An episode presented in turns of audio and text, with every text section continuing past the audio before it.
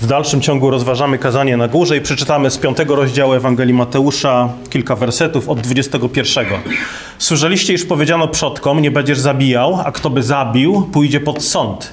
A ja wam powiadam, że każdy, kto się gniewa na brata swego, pójdzie pod sąd. A kto by rzekł bratu swemu racha, stanie przed Radą Najwyższą. A kto by rzekł głupcze, pójdzie w ogień piekielny.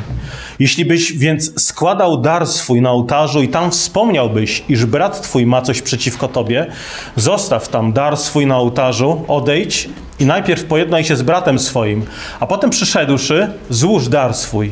Pogódź się rychło z przeciwnikiem swoim, póki jesteś nim, z nim w drodze, aby cię przeciwnik nie podał sędziemu, a sędzia słudze, i abyś nie został wtrącony do więzienia. Zaprawdę powiadam ci, nie wyjdziesz stamtąd, aż oddasz ostatni grosz. Ojcze w niebie, Ty jesteś Ojcem wszelkiej światłości, dlatego przychodzimy do Ciebie, abyś przyniósł nam Twoje światło.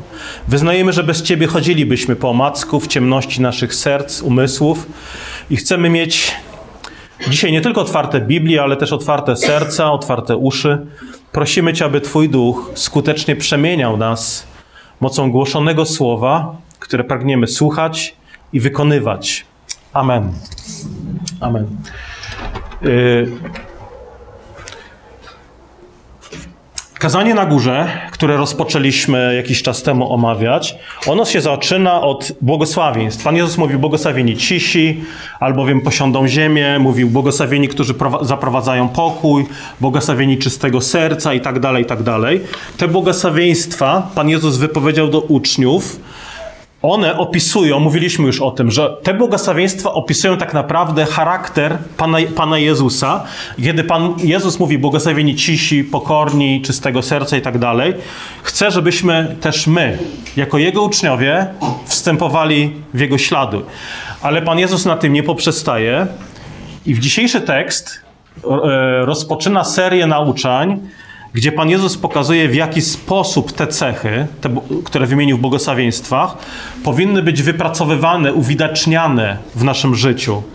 Czyli nie pozostawia swoich instrukcji na ty, takim tylko podstawowym poziomie w stylu bądź cichy, czystego serca, bądź, bądź łagodny i tak dalej. Yy, w kazaniu na górze on szczegółowo wyjaśnia, w jaki sposób te cnoty możemy osiągnąć, jak w praktyce naśladować Jezusa.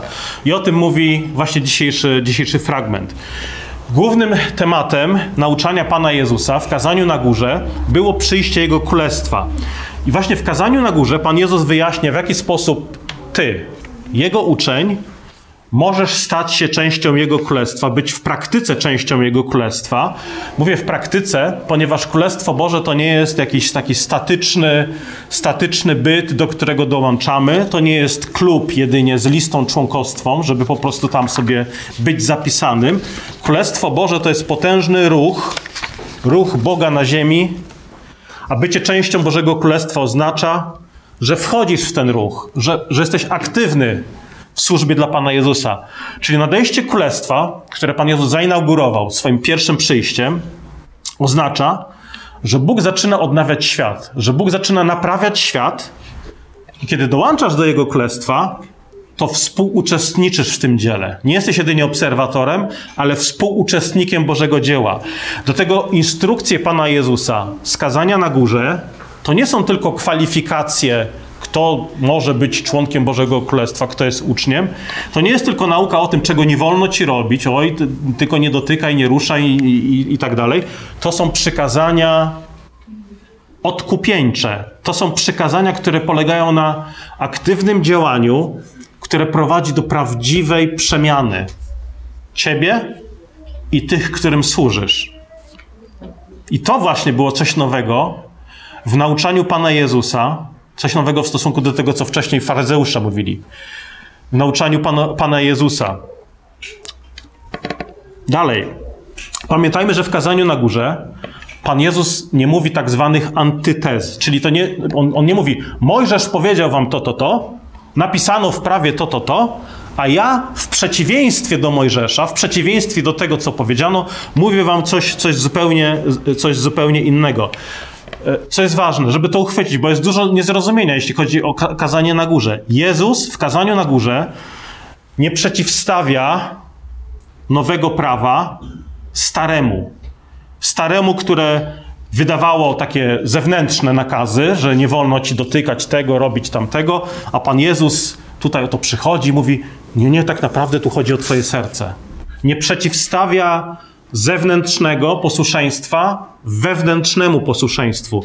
Struktura tego fragmentu nie jest podwójna, w tym sensie, że Pan Jezus nie tylko mówi, yy, yy, napisano nie zabijaj, a ja wam mówię, że w sercu gniew też jest złamaniem przykazania. Nie tylko, nie tylko mówi o tych dwóch rzeczach. Struktura jest potrójna, bo dlatego, że tym trzecim krokiem jest to, w jaki sposób być po, posłuszny Bożemu prawu, w sposób, który przynosi prawdziwe wyzwolenie od gniewu. Czyli po pierwsze, Jezus tutaj cytuje coś, co powiedziano starożytnym. Słyszeliście, iż powiedziano przodką, nie będziesz zabijał, a kto by zabił, pójdzie pod sąd. Po drugie, Pan Jezus opisuje głębsze znaczenie tego przykazania, mówiąc, że grzechem jest nie tylko czyn zabicia, ale też gniew, oszczerstwo, ranienie słowem, Czyli mówi, a ja wam powiadam, że każdy, kto się gniewa na brata swego, pójdzie pod sąd, a kto by rzekł bratu swemu racha, stanie przed Radą Najwyższą, a kto by rzekł głupcze, pójdzie w ogień piekielny. Ale na tym się to nie kończy. Tak? Bo niektórzy chcieliby zakończyć na tym, że Pan Jezus wprowadza tutaj takie głębsze znaczenie przykazanie nie zabije. Że nie tylko chodzi o morderstwo, ale że grzeszysz też, kiedy gniewasz się, kiedy pielęgnujesz gniew, yy, kiedy w sercu nienawidzisz brata i tak dalej. Ale to nie jest jeszcze istota tego urywka. Dlatego, że jest trzeci poziom nauczania Pana Jezusa, który tu jest kluczowy, i on mówi o wyzwalającym działaniu. Działaniu, które uwalnia cię ze złych myśli o bracie, z gniewu wobec brata. Ale zanim dojdziemy do tego, tego trzeciego jakby poziomu tutaj nauczania, powiedzmy jeszcze, powiedzmy, zatrzymajmy się na tym drugim przez chwilę. Czyli pierwszy jest taki, nie zabijaj, więc po prostu nie zabijaj. Nie wolno ci zabić. Tak? To jest proste. Y, drugi poziom nie przeczy temu pierwszemu. Pan Jezus po prostu sięga dalej. Mu nie zabijaj, a ja wam mówię, nie gniewaj się nawet. Nie gniewaj się, nie, znie, nie znieważaj swojego brata. Czyli Pan Jezus wyjaśniając przykazanie nie zabijaj, rozprawia się z grzechem bardziej, o wiele bardziej subtelnym niż morderstwo, które również jest złamaniem prawa, i przejawem tego grzechu jest yy, na przykład pogarda, obmowa, fałszywe świadectwo, gniew. I teraz patrząc na taką osobę, która pielęgnuje w sobie gniew i nienawiść, nie zobaczysz noża, strzelby, broni, yy, zakrwawionych rąk. Może zobaczysz oblicze, po obliczu może coś przeczytasz, że w sercu jest, siedzi coś, jak, jakieś zagniewanie, ale może zobaczysz na przykład, czy usłyszysz uprzejme słowa, poprawnie gramatycznego, gramatycznie napisanego maila, gdzie może właśnie przebija ta, ta, ta złość, gniew, gorycz i tak dalej, i tak dalej. I niekiedy właśnie Pan Jezus o tym mówi, dlatego że niekiedy myślimy o posłuszeństwie Panu Bogu w taki czysto mechaniczny sposób. Tak, yy, nie tam, nie wiem, nie biorę narkotyków, nie klnę, nie kradnę, yy, Bóg mnie akceptuje, jestem w miarę posłuszny i wszystko jest ok. I dla takich ludzi nie ma znaczenia to, że ale noszę pychę, noszę dumę, butne serce. Zadowalamy się na przykład tym, że pójdziemy do kościoła, ale mniejsza z tym, co jest w naszym sercu. Czy zadowalę się tym, że zaśpiewam Panu Bogu, ale mniejsza z tym, czy płynie to z naprawdę z przemienionego, płomiennego serca. Nie zapominajmy, że w Bożym prawie nie chodzi o to, żebyśmy naszym zachowaniem dostosowywali się do jakiegoś etycznego, judeo-chrześcijańskiego standardu, ale chodzi o to, żebyś znał Boga lepiej i kochał Go bardziej. To jest celem posłuszeństwa i prawa. Niektórzy postrzegają Boże prawo tak, jakby one sobie mogło istnieć jako taki kodeks nie rób tego, nie rób tego i nie rób tego. E, są ludzie, którzy po prostu popierają konserwatywne wartości, popierają konserwatywne, głosują na konserwatywne partie, preferują tak zwany tradycyjny model rodziny i mówią: No to ja jestem dobrym chrześcijaninem. Nie jestem jak ci, którzy tam, nie wiem, wczoraj szli na tej paradzie równości, tak? I jesteśmy, są tacy, to są tacy zadowoleni z siebie starsi bracia z podobieństwa o synu marnotrawnym. Nie, nie, ja zawsze przy Tobie, Boże, ja, ja wszystko poprawnie.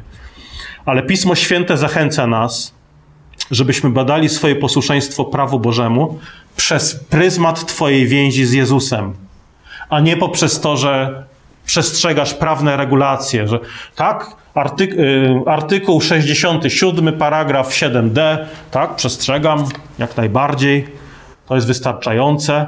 Słuchajcie, nie wolno nam robić skazaniem na górze tego, co faryzeusze robili z prawem. Gdzie Pan Jezus mówi, że jesteście jak groby pobielane. Zewnętrznie wszystko ładnie, ale w sercu po prostu, wasze serca są daleko od Boga. Czyli jeszcze raz, ten drugi poziom posłuszeństwa prawu mówi: nie tylko nie zabijaj fizycznie, ale też nie zabijaj brata w sercu. Ja wam powiadam, mówi Jezus, kto się gniewa na brata swego, pójdzie pod sąd. I tutaj znowu, na moment się jeszcze raz zatrzymajmy na samym gniewie. Dlatego, że wokół gniewu jest znowu dzisiaj dużo nieporozumień. Gniew jest oczywiście złamaniem szóstego przykazania, przykazania nie zabijaj. Gniew można zdefiniować jako taką nieopanowaną pobudliwość, brak pohamowania i pragnienie wymierzania sprawiedliwości po mojemu. Księga Kaznodziei Salomona ostrzega 7:9. Salomon mówi tak: Nie bądź w swym duchu porywczy do gniewu, bo gniew mieszka w piersi głupców. Uważaj, pilnuj się, nie bądź porywczy do gniewu. Gniew mieszka w piersi głupców. Salomon mówi w Księdze Przysłów, kto umie opanowywać sam siebie, kto umie panować nad samym, nad samym sobą, więcej znaczy niż bohater i zdobywca miasta. Nie? To jest takie jedno z największych naszych wyzwań. Panowanie nad sobą w pierwszej kolejności, abyś umiał zarządzać tą sferą i przestrzenią wokół siebie, którą Bóg ci powierzył. Swoją rodziną, e, nie wiem, podopiecznymi i tak dalej, pracownikami. Zacznij od, od siebie. I teraz pytanie jednak brzmi, czy w takim razie każdy gniew jest złamaniem przykazania nie zabijaj? No odpowiedź jest oczywista. W świetle Biblii oczywiście nie. W świetle Biblii istnieje coś takiego jak sprawiedliwy gniew. Eee, na przykład Pan Bóg gniewa się na bezprawie i y, tych, którzy popełniają grzech. Niekiedy Biblia mówi o ludzkim, ludzkim usprawiedliwionym gniewie. Na przykład w Księdze Wyjścia Pamiętacie tą historię, kiedy Mojżesz idzie e, z wiadomością do faraona, mówiąc, że Pan zabije wszystkich pierworodnych w Egipcie, jeżeli w końcu nie wypuścisz Izraela na wolność. I czytamy, że e, tam są takie słowa, że e, wychodzi od faraona w srogim gniewie Mojżesz. Najpierw mówi, wyjdź ty, cytuję tutaj e, Pana Boga, wyjdź ty i cały lud, który idzie z tobą, potem wyruszę i potem czytamy, wyszedł od Faraona w srogim gniewie Mojżesz. I nie był to grzech. Potem Mojżesz schodzi z góry Synaj i czytamy, że roztrzaskuje tablicę dekalogu, widząc kult złotego cielca niszczy tablicę, niszczy też e, samego Złotego Cielca. Tekst nie mówi, że wprawdzie, że Mojżesz był zagniewany, ale po prostu jego czyny wskazują na, tym, że, na to, że był zagniewany. I nic w samej księdze nie sugeruje, że to było złe, że Mojżesz zrobił źle. E, w dziejach apostolskich mamy taką historię, że arcykapłan rozkazuje jednemu ze strażników uderzyć Pawła, który był tam uwięziony, nie?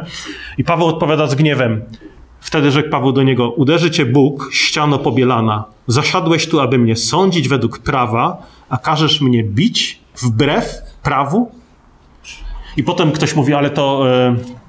Yy, że to jest kapłan. Jak ty, Pawle, tak możesz do niego mówić? I wtedy Paweł przeprasza, ale przeprasza nie za swój gniew, ale za to, że wystąpił przeciwko kapłanowi, przywódcy ludu. Yy, w służbie Pana Jezusa mamy przykłady też słusznego gniewu. Na przykład w Ewangelii Mateu, Marka 3,4 czytamy: Czy wolno w szabat dobrze czynić? I tu się zwraca do uczonych w piśmie: dobrze czynić, czy źle czynić? Życie zachować, czy zabić? A oni milczeli. I spojrzał na nich, i tu jest to słowo, z gniewem.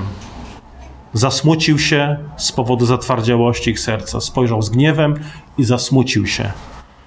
Jezus gniewa się również, kiedy wywraca stoły wekslarzy, handlarzy y, w świątyni. Czyli pamiętając o tym, że nie każdy gniew jest zły, musimy, y, musimy pamiętać, że Gniew powinien mieć miejsce według zasad Bożego Królestwa, a nie na, naszego własnego widzimisię. To nie może być nasz kaprys, nasza nieopanowana emocja. Yy, cały problem, jeśli chodzi o nasz gniew, polega na tym, że rzadko to jest słuszny gniew. Zwykle w naszym wydaniu to jest grzeszny gniew. Bardzo często gniewamy się na niewłaściwą osobę, w niewłaściwym czasie, z niewłaściwej przyczyny i w niewłaściwy sposób. Natomiast Pismo Święte poucza, w liście do Efezjan Paweł mówi: Gniewajcie się, lecz nie grzeszcie. Gniewajcie się, lecz nie grzeszcie, niech słońce nie zachodzi nad gniewem waszym. Czyli masz unikać grzesznego gniewu, który jest eksplozją Twoich emocji, brakiem samokontroli, ale istnieją, słuchajcie, rzeczy, które powinny powodować nasz słuszny gniew. Na przykład ucisk wobec najmniejszych, bezbronnych, którzy nie są w stanie się bronić przed przemocą czy złem, e, seksualna przemoc wobec nieletnich, jakakolwiek przemoc e, bezprawna, bezkarność zbrodniarzy powinno wywoływać to w nas słuszny gniew. I wówczas gniew to jest po prostu zdecydowane przeciwstawianie się tym rzeczom. To jest aktywne działanie, które służy prze, y, przeciwstawianiu się złu. Pan Jezus gniewał się na obłudę faryzeuszy, którzy wykręcali pismo. Gniewał się w momencie, kiedy y, tam czytamy o, o oburzeniu Pana Jezusa, kiedy odsuwano dzieci y, z, z jego obecności. Czyli Biblia nie promuje takiego wymuskanego, łagodnego chrześcijaństwa. Tak? Niektóry, nie, niekiedy sądzimy, że chrześcijanin to taki, widząc zło, powinien z takim, o tak łagodnie, zawsze tak z łagodnością w głosie powiedzieć, o jaka, jaka szkoda, o jak mi przykro, och, pozwól, że pomodlę się od, o, o Ciebie i tak dalej. I słuchajcie, niekiedy takie, takie reakcje na zło są zupełnie nieadekwatne, nietrafione, niebiblijne takie różowe, słodkie chrześcijaństwo, niekonfrontacyjne ze złem, nie jest biblijnym chrześcijaństwem. Pan Jezus to nie jest taka bezpłciowa postać w świecących szatach z jakąś aureolką nad głową, taką duchową, duchową intonacją głosu, jak w ten, jak ci oglądaliśmy ostatnio film na Netflixie, to nie... Dziki kraj, tak? To był? Dziki kraj, o tym e, guru Bagłanie, y, Bagwan Rajnesz. I tak on, tłum wyznawców, a co, co robi guru Bagwan Rajnesz? O tak, takie coś, nie? Ani słowa, a jeżeli już coś mówi, to takim o, uduchowionym głosem. Y, Biblia nie mówi o czymś takim, jeśli chodzi o samego Boga. Bóg reaguje. Bóg jest wojownikiem, który niszczy. Wyszedł z misją e, ratunkową, aby zdeptać łeb węża. I do tego powołuje nas, abyśmy my toczyli duchowe bitwy. Duchowe bitwy z grzechem, z pokusą, e, z duchowymi mocami.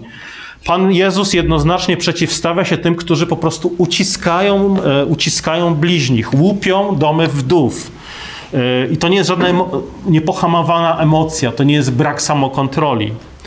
Czyli Je Jezus, kiedy mówi o grzesznym gniewie, nie mówi jedynie nie złość się, Zamiast tego robi dwie rzeczy. Najpierw opisuje, do czego prowadzi gniew i prowadzi do osądu, do zniewagi, do zaciągnięcia do sądu. Tak? Mówi, a ja wam powiadam, każdy, kto się gniewa na brata, pójdzie pod sąd. Ale może to nawet, jeżeli to nie jest powstrzymane, prowadzić do samego piekła. Mówi dalej, a kto by rzekł bratu swemu racha, stanie przed Radą Najwyższą, a kto by rzekł głupcze, pójdzie w ogień piekielny. No i to jest takie absurdalne, trochę się wydaje. Jak ktoś może zostać ukarany na przykład przez sąd za to, że jest zagniewany, ale Pan Jezus łączy w tym urywku gniew z, z, najpierw z kłótnią, a ostatecznie nawet z, z zabójstwem. Zobaczcie, że zabójstwo Kaina y, wobec Abla, Kain zabił Abla, to zabójstwo zaczęło się od gniewu u, Ab, u Kaina. Księga Przysłów 15-18 mówi, człowiek porywczy wywołuje zwadę. On nie mówi, człowiek porywczy tłumi gniew w zarodku. Nie, człowiek porywczy wywołuje zwadę, lecz cierpliwy zażegnuje spór. Zobaczcie, że gniew, jeżeli nie jest powstrzymany, prowadzi do konfliktu, zwady, a ostatecznie nawet do gorszych rzeczy. Do rękoczynów, a nawet zabójstwa. I tutaj Pan Jezus w tym, no, w tle właśnie nawiązuje do historii Kaina i Abla. Jezus tutaj czterokrotnie używa słowa brat i wspomina o ołtarzu. Zanim pójdziesz złożyć dar na ołtarzu, pojednaj się z bratem. Kain był zagniewany na swojego brata, był zazdrosny, że ofiara Abla została przyjęta, a jego nie. I ten gniew znalazł ujście w morderstwie. Czyli Jezus mówi tutaj, że gniew nie pozostaje w miejscu. Nie, nie zostaje w miejscu. Zwłaszcza jeżeli jest pielęgnowany w naszych sercach, on, on nie zostanie w środku. On się będzie wyrażał w, w działaniu. Czyli jeżeli pozwolisz na narastanie gniewu i nie zajmiesz się tym, skończysz, tutaj Pan Jezus mówi, albo w sądzie, albo jeszcze gorzej. W piekle nawet, jeżeli do, nie, nie nawrócisz się z tego. Czyli jeśli nie opanowujesz gniewu, ktoś może kiedyś rzeczywiście zadzwonić na policję. Stanie się coś złego, zostaniesz postawiony przed sędzią. I czy, czyli to był ten, jeszcze raz, ten drugi poziom nauczania Pana Jezusa, czyli czystość nie tylko rąk, ale czystość też serca. Nie tylko Pan Jezus mówi, nie zabijaj rękoma, Pan Jezus mówi, nie zabijaj słowami, nie zabijaj brata w swoim sercu. To jest też złamaniem przykazania. I teraz niektórzy y, nasi drodzy bracia chcieliby się tutaj zatrzymać i stwierdzić, że po prostu Pan Jezus w tym przykazaniu skupia się na sercu, a nie tylko na czynie. Po prostu rozejdźmy się, koniec urywka. Tylko, że Pan Jezus, zobaczcie, że w drugiej części tego fragmentu daje nam przykazania które nie tylko e, e, pozwalają ci uniknąć grzechu, ale przekazanie, które ma na celu odkupić całą tą sytuację, która może prowadzić do grzechu. I mówi tak: Jeśli byś więc składał dar swój, 23 werset, na ołtarzu, i tam wspomniałbyś, iż brat twój ma coś przeciwko tobie, zostaw tam dar swój na ołtarzu Odejdź i najpierw pojednaj się z bratem swoim, a potem przyszedłszy złóż dar swój. Pogódź się rychło z przeciwnikiem swoim, póki jesteś z nim drodze, aby cię przeciwnik nie podał sędziemu, a sędzia słudze i abyś nie został wtrącony do więzienia. Zaprawdę powiadam ci, nie wyjdziesz stamtąd, aż oddasz ostatni grosz. Czyli tutaj konkretne przykazanie Pana Jezusa, w tej trzeciej części jego wypowiedzi. Czyli mówi, to są przykazania, to, to masz czynić. Kiedy przychodzi zagrożenie gniewu, przychodzi konflikt, to wiedz, co masz zrobić. On nie mówi, słyszeliście, iż powiedziano, unikajcie czynów, a ja wam mówię, unikajcie jedynie też, albo jedynie, albo również złych myśli i gniewu w sercu. Mówi, jak masz postępować, jakie postępowanie niesie ci wolność od złamania szóstego przykazania. Słuchajcie, jak ja e, czytałem e, kiedyś, pamiętam mm, jakieś kazanie, miałem kazanie z kazania na górze i czytałem jeden, wiele komentarzy mówi o tym, że w kazaniu na górze Pan Jezus wskazuje na faryzejskie zrozumienie prawa, a następnie prostuje to. W rzeczywistości Jezus nie, nie, cytuje tutaj faryzejskiego zrozumienia prawa, mówiąc, ale ja wam powiadam to, to, to. On nie mówi, faryzeusze wam mówią to, to, to, ale ja wam mówię to, to, to. Nie. Y, Pan Jezus cytuje bezpośrednio rzeczywiście prawo Boże. To jest prawda. Napisano przecież, nie będziesz zabijał, a kto by zabił, pójdzie pod sąd. Tak? To, to jest część dekalogu.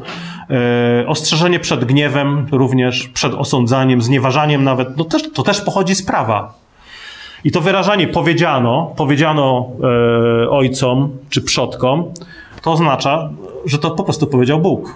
To Bóg powiedział przodkom. Czyli Jezus tutaj powołuje się na instrukcje z Boże, z góry Synaj, z dekalogu. I każdy tutaj z nauczań Jezusa rozpoczyna się od tego stwierdzenia napisano albo powiedziano. I to się odnosi nie do nauczania faryzeuszy, to się odnosi do prawa Bożego, do tego, co powiedział Bóg. I e, Pan Jezus mówi o tym nie dlatego, że chce zaprzeczyć prawu. Tak? On już wcześniej powiedział, nie przyszedłem, żeby znieść, unieważnić prawo, zniszczyć prawo. Nie, nie, nie. Odnosi się rzeczywiście do dekalogu, który dał Bóg, a potem mówi, a ja wam powiadam. I teraz niektórzy mówią, no to jak, to przeciwstawiasz się temu, co powiedział Bóg? No odpowiedź brzmi oczywiście nie. Pan Jezus nie przeciwstawia się Ojcu, ale kiedy mówi, a ja wam powiadam, wskazuje na swój Boży autorytet. Czyli Bóg mówi tak: Bóg wcześniej powiedział to i to, to nie zabijaj, ale teraz Bóg wypowiada swoje ostatnie słowo. Czyli przez Mojżesza Bóg wytyczył drogę sprawiedliwości dla swojego ludu w tamtym czasie. Przychodzi Bóg, Pan Jezus, w Nowym Przymierzu i wraz z przyjściem Syna Bożego, tego większego Mojżesza, Pan ustanawia sprawiedliwość, która idzie jeszcze dalej, można powiedzieć. Czyli Pan Jezus skupia się na postępowaniu, które prowadzi nie tylko do braku gniewu, ale prowadzi do prawdziwego pojednania, przebaczenia i odkupienia. Czyli Jezus nie tylko tutaj mówi, że gniewem, że grzechem jest gniew w sercu, i mówimy, i to jest sednem tego urywka. Nie, to nie jest sednem tego urywka. Sedno jest w tym, jak rozwiązać problem złości i gniewu. Pan Jezus nie mówi, nie gniewaj się i idź do domu, koniec. Pan Jezus tutaj wydaje polecenia, jak masz postępować, aby unikać grzechu gniewu. Czyli nie uczy tylko, jak uniknąć piekła lub sądu, pokazuje, jak możemy zmienić nasz gniew w działanie, które zniszczy niesprawiedliwość i zło. Pokazuje, jak okazję do gniewu można obrócić w zbawczym kierunku. Jak możemy odwrócić sytuację i przynieść prawdziwy pokój, nadzieję zamiast walki. Czyli kiedy mamy konflikt, Pan Jezus mówi, nie, nie pozwalaj, żeby to kipiało w tobie, żeby to bulgotało. Nie powinniśmy tak po prostu odwracać się plecami i odejść. I mówić, ja muszę powstrzymać gniew, ja muszę powstrzymać gniew, ojej, bo w sercu gniew też jest zły. Słuchajcie, żadna z tych opcji to nie jest opcja dla ucznia Jezusa. Jezus mówi nam, żebyś coś zaczął robić, żebyś zainterweniował, żeby sytuację polepszyć i zmienić. Czyli mówi tak, kiedy gniewasz się na brata, powinieneś odszukać go i pojednać się z nim. Kiedy gniewasz się na brata, nie powinieneś milczeć w pokoju. Na zasadzie, ale ja nic złego już mu nie powiem. Ja się powstrzymałem. Mam gniew w sercu, ale przynajmniej nie, nie wybuchłem słowami. Musisz pójść do brata i pojednać się z nim. Oznacza to na przykład proszenie o przebaczenie. Oznacza to również na przykład dokonanie zadośćuczynienia, czyli na przykład, jeżeli okradłeś, zabrałeś coś bratu, albo pożyczyłeś na tak zwane wieczne oddanie i nagle sobie co po 10 latach przypomniałeś, to Pismo Święte mówi o oddaj, albo zwróć równowartość nawet z nawiązką, zapłać. Jeżeli y, kogoś obraziłeś lub plotkowałeś o nim, sprostuj to. Sprostuj to wobec tej osoby i przeproś i sprostuj wobec też osób, wobec których plotkowałeś. I sytuacje opisane przez Pana Jezusa kiedy tutaj mówię o tym, żeby się rychło pogodzić z przeciwnikiem, e, to są sytuacje, w których dana osoba popełniła zło i, po, i powinna przejąć inicjatywę. Czyli sytuacja tutaj z opisanym człowiekiem przy ołtarzu opiera się na historii Kaina. Czyli Kain jest tym rozgniewanym człowiekiem i zamiast przynosić Bogu ofiarę, powinien udać się do Abla, żeby się z nim pojednać i potem przyjść do Boga. I tutaj Pan Jezus mówi, jeżeli wiesz, że brat mój ma, ma coś przeciwko tobie, pójdź do niego. Kiedy to słowo brat twój przeciwko tobie coś ma, oznacza, że to ty wyrządziłeś zło. To ty kogoś znieważyłeś, to ty postępowa postępowałeś niewłaściwie wobec brata i z tego powodu twój brat ma coś przeciwko tobie, czyli zrobiłeś źle, to pójdź i napraw to. Czyli Pan Jezus tutaj w pierwszej kolejności mówi o inicjatywie winnego. Jeżeli jesteś winny, to bez względu na to, jaki czas minął, pójdź. Pojednaj się z bratem. Pojednaj się z bratem, zanim przyjdziesz do kościoła. Pojednaj się z bratem, zanim przyjdziesz do stołu pańskiego. Ale, i na tym tutaj zakończę, i to jest jakby teraz clue całego urywka. Dlatego, że w innym urywku w Pisma Świętego dowiadujemy się, że jeżeli między tobą a bliźnim jest jakiś konflikt, albo jeżeli twój bliźni zgrzeszył, popełnił grzech, to Pismo Święte mówi, Pan Jezus mówi, jeśli by zgrzeszył brat twój, idź, upomnij go sam na sam, a jeśli cię usłuchał, pozyskałeś brata swego. Pójdź. I tutaj mówi do osoby skrzywdzonej, pójdź, napomnij w miłości. Jeżeli cię przeprosi, jeżeli dojdzie do pojednania, pozyskałeś swojego brata. Zatem, jeżeli jesteś na przykład stroną skrzywdzoną, to znów, zanim udasz się, tutaj używając słowa Pana Jezusa, do sądu, szukając sprawiedliwości, podejmij wysiłek pojednania, nawet rezygnując z rozprawy, z rozprawy, nie wiem, czy przed kościołem na przykład, czy przed starszymi, jeżeli jest sprawa jakaś dyscyplinarna. Nawet jeżeli masz rację, pójdź, podejmij inicjatywę, zamiast szukać zemsty w celu przywrócenia honoru, Pan Jezus mówi, szukaj pojednania. I w ten sposób działasz odkupieńczo. I to jest, słuchajcie, dziwne, tak? To nam się to jawi jako naprawdę no, mocne, trudne. Tak wiesz, że on zawinił, ale Pan Jezus mówi, to ty przynieś światu kawałek Królestwa Bożego. Przynieś temu zepsutemu światu trochę tego Bożego szalom, Bożego pokoju. Jak? Podejmując inicjatywę rozmowy ze swoim bratem. Wzmacniasz w ten sposób Boże Królestwo, bez względu na jego odpowiedź. I słuchajcie, to jest naprawdę ciężkie, dlatego że kiedy Pan Jezus mówił te słowa, to obrona własnego honoru była naprawdę wysokim wymogiem.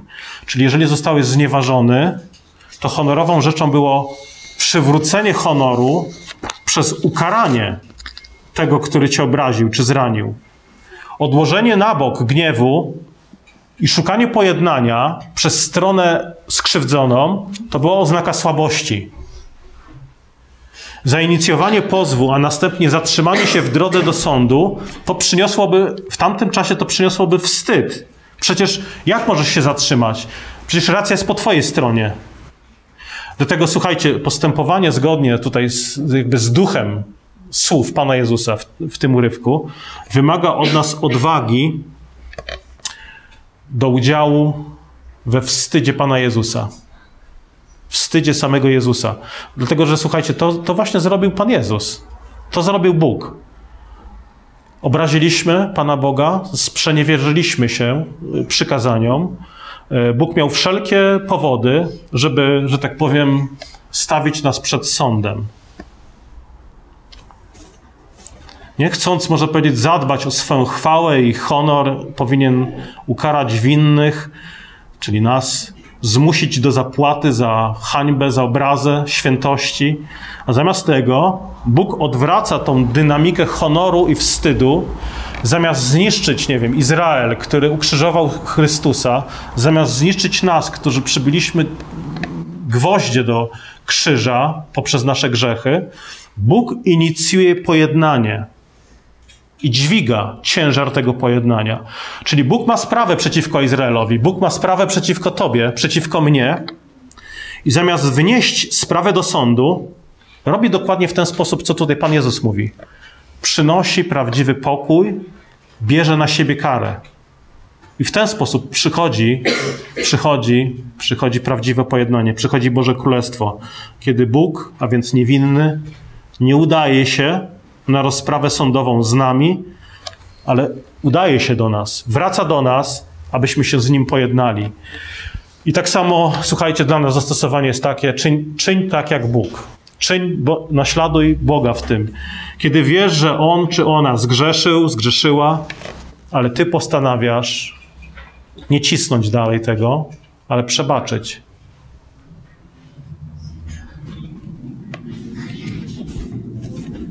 Kiedy, nie, kiedy po prostu nie odchodzimy z gniewem w sercu, tak, tacy zadowoleni, że ach, ja nie wybuchłem nagle gniewem. To, to, to jest takie minimalistyczne, słuchajcie, podejście. To taki brak gniewu, brak takiego wybuchu, ono, ono niewiele poprawia.